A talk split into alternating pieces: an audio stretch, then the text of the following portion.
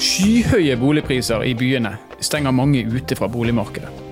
Samtidig er prisveksten så lav i distriktene at ekspertene advarer mot å bygge nye boliger der. Er det noe galt med boligpolitikken? Og hvem er egentlig vinnerne, og hvem er taperne i dagens boligmarked? Dette er Nord-Norge i verden. Mitt navn er Stein Vidar Loftaas.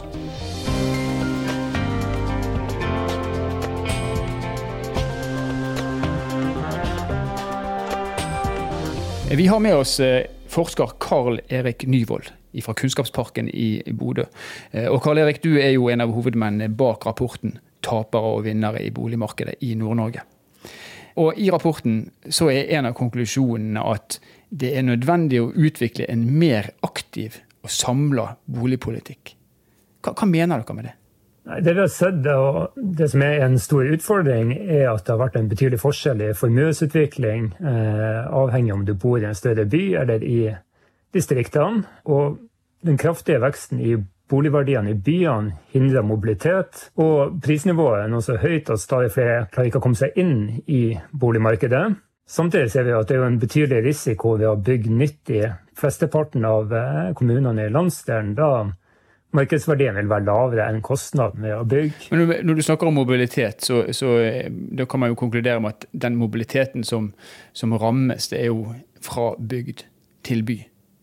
Ja. Eh, mens mobilitet mellom byer, den, jo vidt, eh, den lever jo som man skal, i og med at prisnivåene mellom byene er ganske like. Ja, man ser jo at Tromsø ligger en, god del høyere enn en Bodø og de, de, neste på lista her. Men det som også er sånn interessant, er å se på mobilitet mellom si, by til distrikt også. For selv om si, boligprisene er betydelig lavere i distriktene, eh, så er det veldig få boliger som omsettes. Og det er si, flere grunner til det. Det ene er at markedsverdien av boligene er så lav at disse boligene blir aldri lagt ut for salg i markedet. Du arver gjerne en, en bolig, og så, og så, bruker du den som fritidsbolig i stedet for å selge den, fordi det ikke er utsikter til å miste den den store inntekten på det. Og så ser vi samtidig at Airbnb og den typen plattformer gjør at det er mer lukrativt å, å leie ut på, på korttidskontrakter enn å omsette boliger i, i markedet. Mm. Men hvorfor er mobilitet viktig? Nei, Det, det handler om at, å, å kunne flytte personer i arbeidsmarkedet etter der det er behov for dem, og gi folk mulighetene til å, å ha en karriere og, og, flytte på seg der de ønsker. Så for Nord-Norge, som eh, ja, Man snakker ofte om at vi har et stort potensial i Nord-Norge. Vi har et potensial innenfor fisk, innenfor turisme, eh, kanskje også innenfor eh, mineral. Så vil det være altså en manglende mobilitet det vil da være direkte et hinder for å ta ut dette potensialet. Ja, det tror jeg vi, vi kan si. Absolutt. Hvis man ikke kan flytte, eller har mulighet til å flytte som følge av at du enten ikke har den, den formuen du trenger for å komme deg inn i, i boligmarkedet et sted, eller at det finnes egna boliger til leie, eller andre forhold som gjør at du ikke klarer å, å flytte på deg, så er det jo en utfordring hvis man ikke klarer å få tak i den kompetansen som trengs i, ja, rundt omkring i landsdelen. Det er gunstig å investere i bolig fordi at boligprisene stiger, men på landsbygda så er boligene billigere å kjøpe, i den grad du får kjøpt de. Eh, og det er også da selvfølgelig eh, en lavere prisvekst på det. Men kan man ikke forutsette da at de som kjøper billige boliger på landet, de har mer penger til overs og kan spare pengene sine istedenfor, og på den måten henge med i galoppen? Jo, og Det var jo en hypotese vi hadde når vi starta arbeidet med denne eh, rapporten. Så vi sjekka derfor ligningstallene for innbyggere i kommunene med ulik sentralitet. Og selv om man har langt lavere gjeld og gjeldsvekst i de minst sentrale kommunene eller distriktene, så har bruttoformuen og bankinnskuddene i snitt økt mest i de sentrale kommunene og de større byene. Og vi ser jo også at bruttoinntekter er også høyere jo mer sentral en kommune er. Men de generelle trekkene er i hvert fall at du, du sparer ikke mer i de, i de mindre eh, sentrale kommunene. Det er, kan man undres over. Eh, en annen tendens vi har sett, spesielt de siste årene, etter hvert som boligprisene har steget veldig, det er dette med foreldrehjelp. Boliglånsforskriften stiller krav til at man må ha så og så mye egenandel eller for å kunne kjøpe en bolig. Eh, og det er vanskelig for ungdommen. Og Der kommer foreldrene inn og så bistår de ungene med å få kjøpt boligene. Hva vet vi fra statistikken om hvor vanlig foreldrehjelp ved boligkjøp i Nord-Norge er? SSB la ut noen tall for 2018 eh, nasjonalt. Og de viste at halvparten av boligkjøperne i 20-årene får hjelp av foreldre eller svigerforeldre til å finansiere kjøp av bolig. Og så vet vi også at det er vanlig med foreldrehjelp også blant boligkjøpere i 30-årene. Og det er jo ingen grunn til å tro at utviklinga i Nord-Norge er noe annerledes enn vi ser nasjonalt.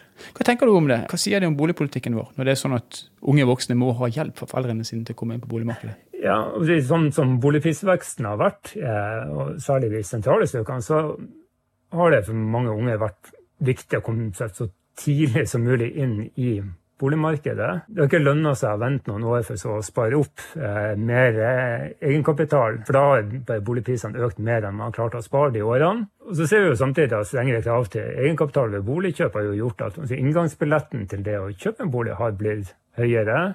Eh, jeg har lyst til å snakke litt om den prisveksten vi ser i det ganske Nord-Norge. Fordi Det er forskjellig, det er ganske store forskjeller. Hvordan, hvordan ser det ut? Hvor er veksten høy, hvor er veksten lav? Det vil si at eh, Jo mer sentral en kommune er, jo høyere prisvekst eh, har det vært. Selv om den prosentvise veksten eh, kan være ganske lik mellom de, de mest sentrale og de minst sentrale kommunene, så er jo prisnivået så mye høyere i de mest sentrale kommunene. At i kroner og øre så blir det en ganske stor forskjell fra år til år. Det vi også ser er at Hadde du bodd i Bodø eller Tromsø, så ville du som privatperson hatt en formuesøkning de siste fem årene knytta til bolig, så ville det vært nesten 400 000 kroner høyere enn om du bor i de minst sentrale kommunene. Det er jo tall vi beregner gjennom å se på eh, gjennomsnittlig boligformue eh, for eh, innbyggerne i landsdelen, og ligningstallene knytta til det. Hvis vi ser på, eh, på leiemarkedet, for En av konsekvensene med høye boligpriser og, og, og pressa områder er at flere må leie. Eh, og så skriver dere eh, i rapporten deres eh, også litt om Airbnb, som da har kommet som en, som en kule de siste årene. Hva påvirkning har Airbnb på leiemarkedet? I forhold til boligmarkedet så, så, vil det mange steder ikke ha noen spesiell påvirkning. Men i områder med mye turisme, og da særlig Lofoten og de største byene i landsdelen, så vil det ja, Airbnb har en ganske stor betydning i forhold til leiemarkedet. da, og Det kan òg begrense muligheten, eh, eller begrense tilgangen på boliger for sesongarbeidere, for unge og kanskje de som er mer vanskeligstilte på leiemarkedet også. Mm. Med at de her boligene eh, ikke lenger er tilgjengelige for langtidsutleie, da, men at det blir mer fokus på korttidsutleie. Og hva, og hva, kan konsekvensene være? For Hvis du ser på la oss si Tromsø, da, som er oversvømt av turister. og eh, Det sies bl.a. at Airbnb er det største hotellet i, i Tromsø, i overført betydning. Eh, de som ikke har penger nok til å kjøpe seg inn på markedet, og så i tillegg blir priser ut av Airbnb, hva kan konsekvensen av det være? Nei, Da er vi jo litt tilbake til uh, den, uh, det vi ønsker å avdekke med denne rapporten om utviklinga i boligmarkedet har begrensa mobiliteten. og det vil jo være et klart eksempel da, på hvordan den utviklinga som har vært i boligmarkedet, kan ha vært til hinder for mobilitet. Med det du vet, eh, Karl Erik, det du har eh, vært med på å skrive om i rapporten, her, om disse ubalansene vi ser. Det er større skille mellom bygd og by, det er større skille mellom de unge som har foreldre med penger, og de som ikke har eh, foreldre med penger osv. Hva, hva bør man gjøre fremover? Vi har nå laga et godt kunnskapsgrunnlag nå i forhold til boligmarkedet eh, i landsdelen, som gjør at de som utformer politikk, har noe å ta tak i. Men vi ser jo imidlertid den betydninga Husbanken har hatt for at flere skal, skal kunne eie sin egen bolig. Mm. Og, og, et tettere samarbeid mellom Husbanken, kommuner og private utbyggere tror vi kommer til å være veldig viktig fremover. Tusen takk skal du ha, Karl Erik Nyvold, forsker i Kunnskapsparken i Bodø.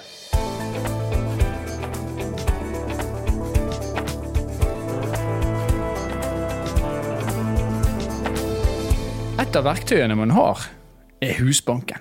Og slik hørtes det ut da Filmavisen presenterte Husbanken i 1946. Gjenreisning og atter gjenreisning er den parole som prentes inn i folk hver dag, hver time. Gjenreisningsproblemet i sin helhet må løses. Alt er viktig, og alt haster. Men fremfor noe annet er det vel i dag den skrikende bolignøden som avhjelpes. Og den vil bli avhjulpet. Hovedformålet med Husbanken var å bygge opp igjen landet etter krigen. Man kan hevde at Husbanken eh, ble og har vært et av etterkrigstiden sitt store velferdsprosjekt. Men oppdraget til Husbanken har endret seg flere ganger. I 1973 så finansierte Husbanken så mye som 70% av de boligene som ble bygd i Norge. Men i dag finansierer de bare ca. 15% Lena Elisabeth Jørgensen er avdelingsdirektør i Husbanken, og hun er med oss på telefon.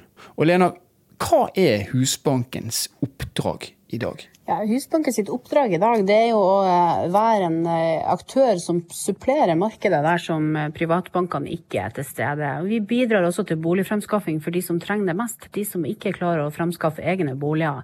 De som faller utenfor i boligmarkedet. Så det betyr at vi bistår kommunene både med, med, finansielle virkemidler for å fremskaffe boliger, og med kunnskap for hvordan type boliger og hvordan type boligproduksjon man ser behovet for der. Og så finansierer vi, som du er inne på, en liten del av privatmarkedet for de som, eh, de som enten bygger med veldig gode kvaliteter, eller de som også der trenger, trenger litt ekstra hjelp. Og vi har jo flere virkemidler som vi retter mot de ulike gruppene, da. Så vi endrer oss i takt med samfunnet. Mm. Og du snakker om de som trenger det mest. Kan du utdype mm. litt hvem er de som, er, som, trenger det mest? Jeg ser på hjemmesiden deres så snakker man om vanskeligstilte. Mm. Det er jo sånn at Den tradisjonelle forståelsen av vanskeligstilte er jo eh, gjerne noen som har knekt knærne og er bostedsløs og er, er litt sånn uh, utafor samfunnet på flere måter. Det er nok det bildet de fleste har av hvem en vanskeligstilt eh, er, og sånn var det nok i stor grad tidligere. Så ser vi statistisk nå at den vanskeligstilte er Det er mange andre også. Det kan være et samlivsbrudd som, som, jager deg på kanten. Det kan være sykdom som gjør at inntektsbildet ditt blir vesentlig endra. Det er unge i overgangsfaser. Det er eh, mennesker på vei ut fra rus og psykiatri eller fra fengsel. Det er enslige forsørgere. Så bildet av vanskeligstilte i dag er langt mer sammensatt og langt større enn det det var for kun få år siden. Mm. Eh, og så snakker man om to typer lån i alle hovedsak. Man snakker om startlån og man snakker om grunnlån. Ja, hva, hva er startlån og grunnlån? Ja, grunnlån er jo dette gamle, tradisjonelle husbanklånet som de fleste kjenner. Det som har vært med oss helt fra oppstarten, som i 46 var til gjenreisning og få på plass boligproduksjon, og som gjennom 80-tallet ble brukt til kvalitetsheving i bygg. Det ble brukt når finanskrisa ramma på 80-tallet. Og det er nå eh, tilpassa dit hen at vi bruker det til fremskaffing av kommunale boliger, og vi bruker det i noe som vi kaller for tilvisning, som handler om å fremskaffe flere utleieboliger i markedet. Og vi bruker det også til noen få eh, ordinære boligprosjekter, altså utbyggere som vil bygge leiligheter, eller privatpersoner som vil bygge eneboliger. Mm. Det er grunnlånet. Og så har vi dette startlånet, som er en låneordning som fungerer sånn at vi som stat vi eh, låner det ut til kommunene, og så låner kommunene det ut til kundene. Eh, og det retter seg mot denne brede gruppa med vanskeligstilte som jeg refererer til i sted. Startlånet er på en måte et lån for de som ikke får lån i privatbanken, og som av ulike årsaker havner i en situasjon hvor de sliter med å komme inn på boligmarkedet. Og veldig mange av disse folkene her trenger stabile boforhold, sånn at det er viktig for de å komme inn i et stabilt og varig boforhold. Hvis du ser på boligmarkedsutviklingen i, spesielt i de store byene, der det blir dyrere og dyrere å skaffe seg bolig, Ser du for deg at det vil etter hvert bli flere jeg holdt på å si, i hermetegn vanlige lånetakere som vil måtte gå til Husbanken for å få et eh, startlån? Ja, Vi ser nok den tendensen allerede. Vi gjør nok det. Uh, Nå er det jo sånn at Startlånet har jo et formål som handler om at du skal jo fortrinnsvis være en grad av vanskeligstilt. Og hvis du har barn, så er vi litt mer lempelige på det, da, for vi er veldig opptatt av at barn skal bo godt og trygt hele livet sitt. Der du før uh, kunne få lån i privatbanken uten, uten egenkapital og, og, uten oppsparte midler, der, uh, der ser vi nå en større gruppe som ikke altså De har så lav inntekt at de klarer ikke å spare seg opp egenkapital når de bor i leieforhold, fordi at leieforholdet har så høy leie. Så gruppa som trenger startlån for å komme i markedet, den blir større. Den øker. Jeg tror ikke det er bare de store byene. Det, det ser vi nok også, konturene av uh, i mindre kommuner også. Mm. Eh, for det er klart at Der er privatbanken enda mindre villig til å være med på laget, fordi at boligen har en lavere verdi for at det er i distriktet. Ja. Eh, hvis du ser på grunnlånet deres, da, som eh, da er kanskje det som er nærmest eh, å kunne sammenlignes med et vanlig banklån. Mm. Bruker dere andre regler for, for altså, Hvis du ser på en vanlig forretningsbank, så har du, bank, så har du boliglånsforskriften, man krever 15 egenandel. Mm. Er, er, dere underlagt de samme reglene, eller kan dere fravike det? Ja, altså vi er jo som hoved, I hovedsak er vi jo underlagt de samme reglene. og For grunnlånet så krever vi egenkapital der også. Der kan du som privatperson få inntil 85 80 eh, finansiering for, for bygget ditt. Men startlånet er jo da retta mot denne gruppa som heter vanskeligstilte, og noe av det som gjør deg vanskeligstilt, eller kan gjøre deg vanskeligstilt, er mangelen på egenkapital. Sånn at uh, der er vi ikke underlagt kravet om 15 egenkapital. Akkurat. akkurat. Det, her, det lånet har et annet formål. Og så sa du innledningsvis at oppdraget deres har endret seg flere ganger. Mm. Eh, og vi vet at regjeringen vil at eh, alle skal ha mulighet til å skaffe og kunne beholde sin egen bostad. Hvis du skal se litt inn i fremtiden, men det, det vi nå vet om prisutvikling osv., ser du for deg hva som kommer til å bli det neste området der Husbanken kommer til å få en, en viktig rolle å spille?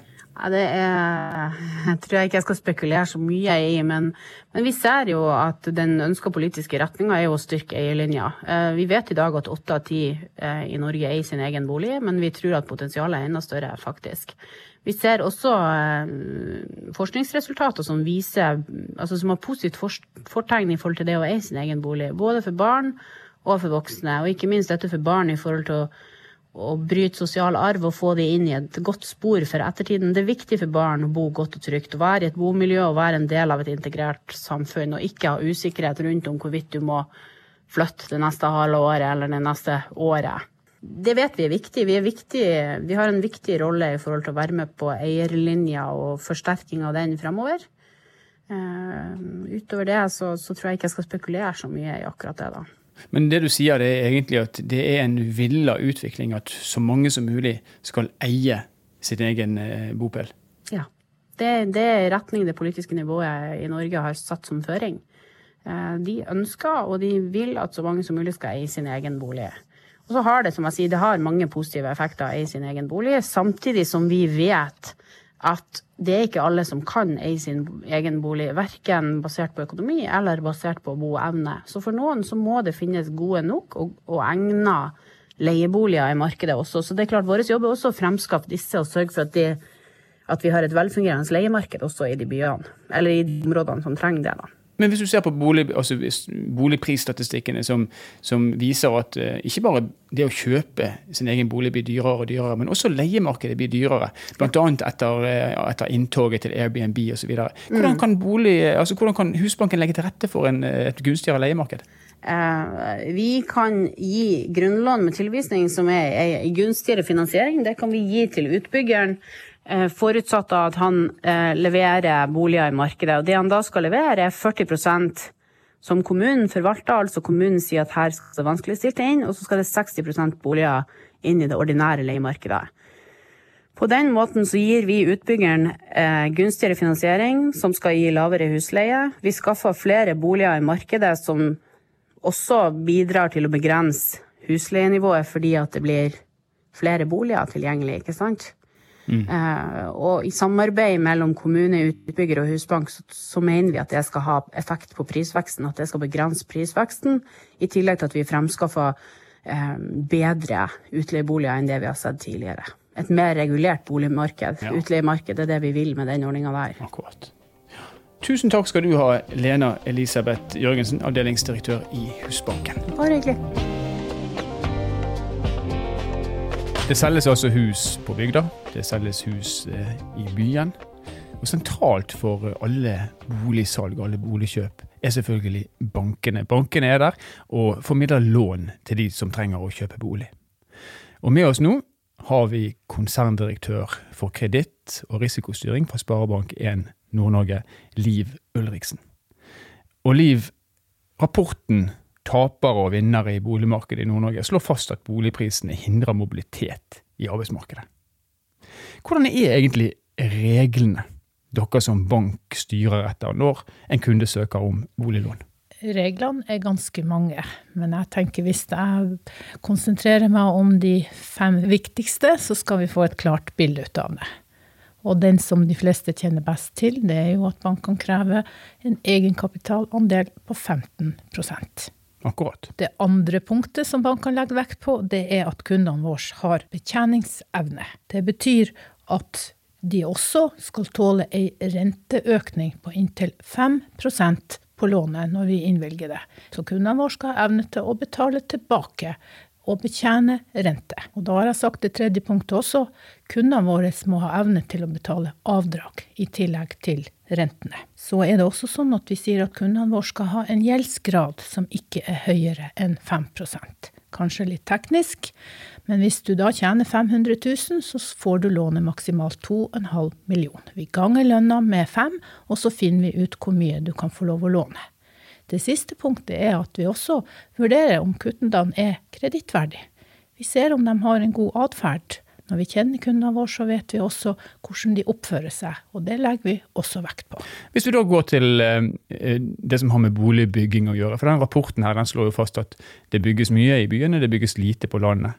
Hvis en kunde eh, i din bank, Sparebanken Nord-Norge, søker om lån til å bygge et hus i mm, la oss si Berlevåg, hvordan, eh, hva tar dere da utgangspunkt i? For det koster like mye å bygge et hus i byen som det gjør på landet. Hva tar dere utgangspunkt i da? Er det byggekostnaden?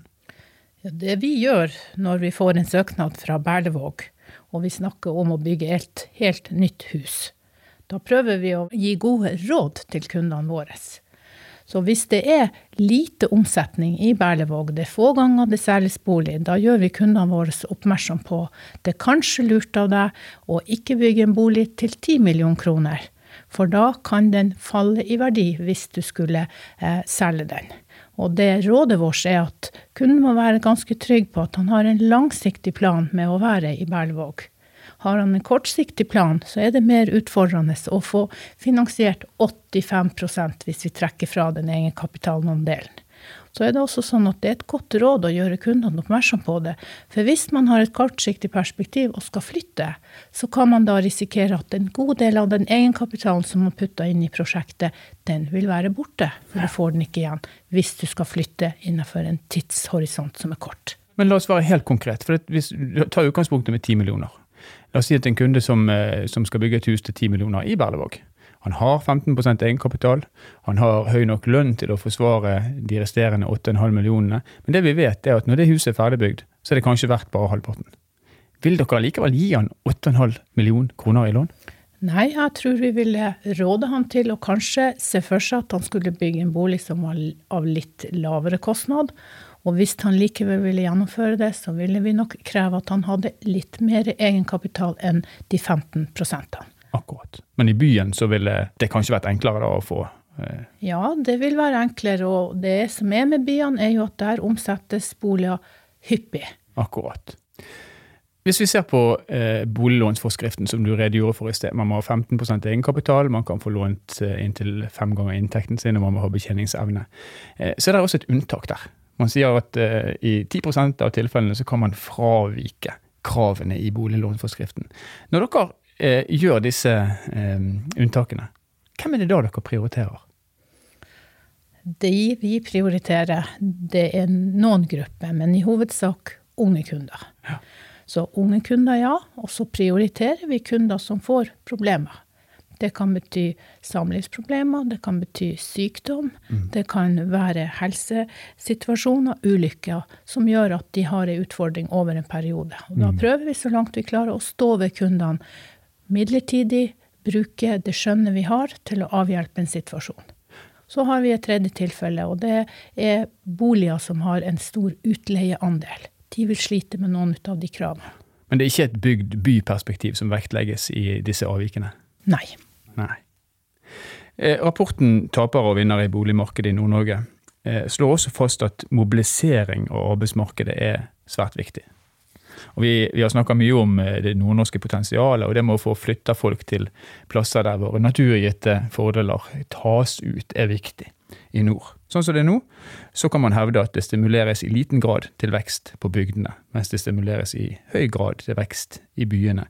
Tenker du at bankene har et ansvar for å utjevne det, sånn som du ser, ser det?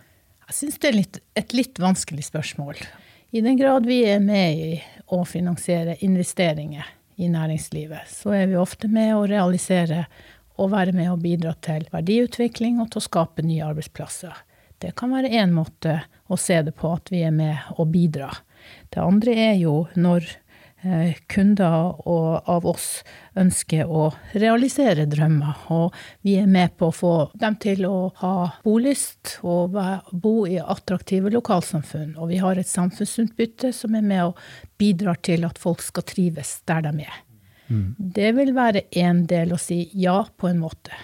Men hvis du spør om vi har sosialøkonomiske virkemidler til å få til en utvikling som er annerledes, eller få til den mobiliteten, så er svaret nei. Det er ikke bankene sitt ansvar. Nei. Og så har Helt nylig så har Kjetil Rollnes han har skrevet en, eh, en kronikk i Aftenposten der han eh, har omtalt 'salige er de rikes barn', for de skal arve boligmassen i de store byene. Der slår han fast at dagens boligpolitikk langt på vei skaper et klasseskille. Og Hvis jeg skal be deg om å være politiker, jeg vet at du ikke liker at jeg spør deg om det, men et lite øyeblikk. Hva syns du det bør gjøres fra politisk hold for å sikre eh, mobilisering gjennom aktiv bruk av en eh, boligpolitikk?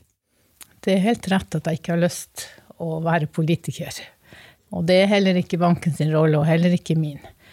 Men jeg kan prøve å distansere meg fra at jeg jobber i bank. Og så kan jeg si at en av de viktigste tingene tenker jeg, det må være å sørge for at det bygges nok boliger.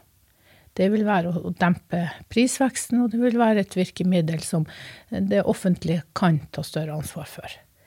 Og så finnes det jo mange typer økonomiske virkemidler gjennom skatte- og avgiftspolitikk og gjennom finanspolitikk. Vi har ligninger, vi har avskrivningsregler, vi har rentefradrag, vi har gevinstbeskatning.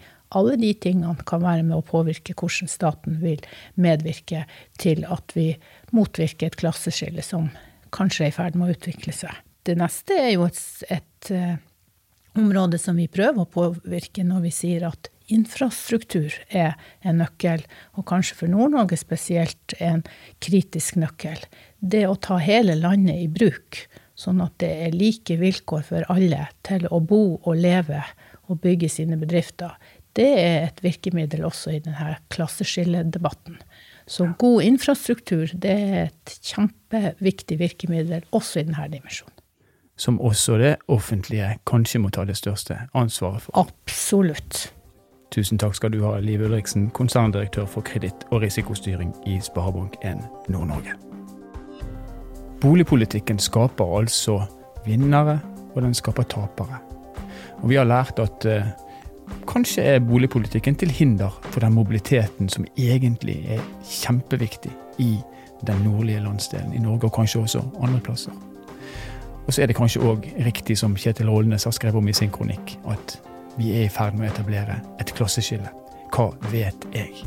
Det som i hvert fall er sikkert, det er at Norge har stått opp i lignende utfordringer tidligere, og vi har instrumentene som skal til for å gjøre noe med det. Så vil bare fremtiden vise om Husbanken kanskje vil få et nytt oppdrag, eller om andre regler skal innføres for å bøte på det som kanskje da er i ferd med å utvikle seg til å bli et problem. I denne episoden av Nord-Norge i verden har du møtt forsker Karl Erik Nyvold fra Kunnskapsparken i Bodø. Du har møtt eh, avdelingsdirektør Lena Elisabeth Jørgensen fra Husbanken i Nord-Norge. Og du har møtt eh, konserndirektør for kreditt- og risikostyring i Sparebank1 Nord-Norge, Liv Ulriksen. Nord-Norge i verden er produsert av Sparebank1 Nord-Norge i samarbeid med Helt Digital. Musikken du har hørt er laga av Emil Karlsen. Mitt navn er Stein Vidar Loftaas, og vi høres igjen i neste episode.